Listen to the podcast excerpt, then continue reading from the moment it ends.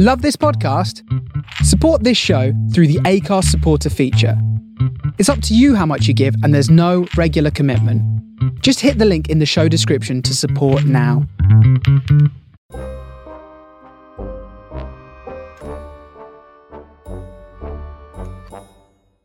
Hallo allemaal en welkom bij Reis door de Tijd, waar we het vandaag gaan hebben over dinosaurussen. Er waren de Tyrannosaurus, de Diplodocus, de Brontosaurus en nog heel veel meer. Maar wij gaan het vandaag hebben over de tijd waarin de dinosaurussen leefden.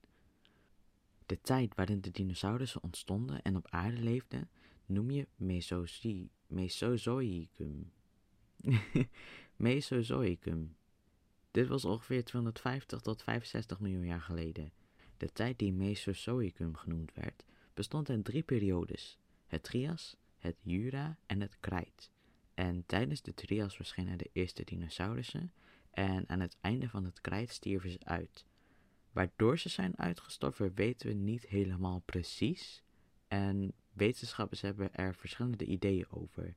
Ze denken onder andere dat het door een grote meteorietinslag gekomen kan zijn, door vele vulkaanuitbarstingen en of door het veranderde broeikaseffect. Maar voordat dit alles gebeurde en nog voor het ontstaan van de dinosaurussen, bestonden er al andere diersoorten op aarde, waaronder ook enge reptielen die behoorlijk op latere dinosaurussen leken. Ook de waterwereld had een hele hoop diersoorten en vele prehistorische vissen bewoonden toen al onze wateren. Tijdens het leven van de prehistorische dieren was de aarde heel anders dan nu. Er bestonden namelijk nog geen werelddelen. De aarde was één hele grote landmassa en dit werd ook al Pangea genoemd. En dat betekent alles aarde. Om Pangea heen lag eigenlijk een grote oceaan genaamd Pantalassa. En daarin leefden bijzondere zeedieren en die waren echt heel groot. Zo twee derde van onze planeet bestond uit deze oceaan. De landmassa begon echter steeds meer uit elkaar te drijven. Dit kwam door de magma. Dit is een soort van vloeibaar gesteente en dit zat in het diepe binnenste van onze planeet. Deze magma zorgde ervoor dat de onderliggende platen van onze grond in beweging kwamen. Hierdoor dreef de landmassa steeds verder uit elkaar en ontstonden er verschillende werelddelen, die gescheiden werden door het ontstaan van onder meer de oceanen die we nu kennen.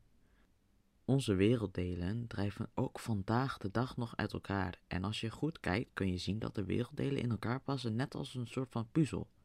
Het verschuiven van de werelddelen gebeurt met maar 5 centimeter per jaar en hierdoor heeft de mensheid er niet veel van gemerkt, in tegenstelling tot de dinosaurussen die miljoenen jaren geleefd hebben. Voor de dinosaurussen hebben de verschuivingen grote gevolgen gehad. De planeet veranderde heel erg in die miljoenen jaren. Het klimaat werd anders en er ontstonden natuurkrachten die hun waarschijnlijk fataal zijn geworden, zoals de vele vulkaanuitbarstingen. Er zijn heel veel soorten dinosaurussen, er zijn wel meer dan duizend. Daarom zijn de dinosaurussen ingedeeld in groepen. Je kunt de dinosaurussen bijvoorbeeld indelen naar hun leefgebied, bijvoorbeeld land, water of lucht, naar grootte of naar wat ze eten, bijvoorbeeld planten of vlees of beide. Zelf vind ik dinosaurussen echt heel interessant en wie niet? Toch heb ik wel wat twijfels over hoe we de dinosaurussen zien. Ik heb mij namelijk altijd afgevraagd hoe we nou zeker weten welke kleur dinosaurussen zijn. We zien ze natuurlijk nu eigenlijk allemaal in wat natuurlijke kleuren die de dieren van, die de dieren van nu hebben.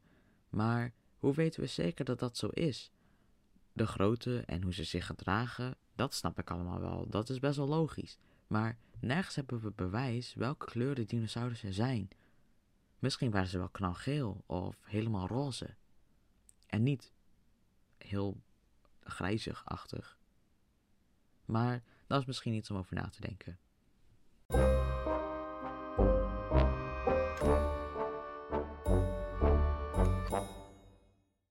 Dankjewel voor het luisteren en als je weet hoe het zit met de kleur, laat mij het gerust weten.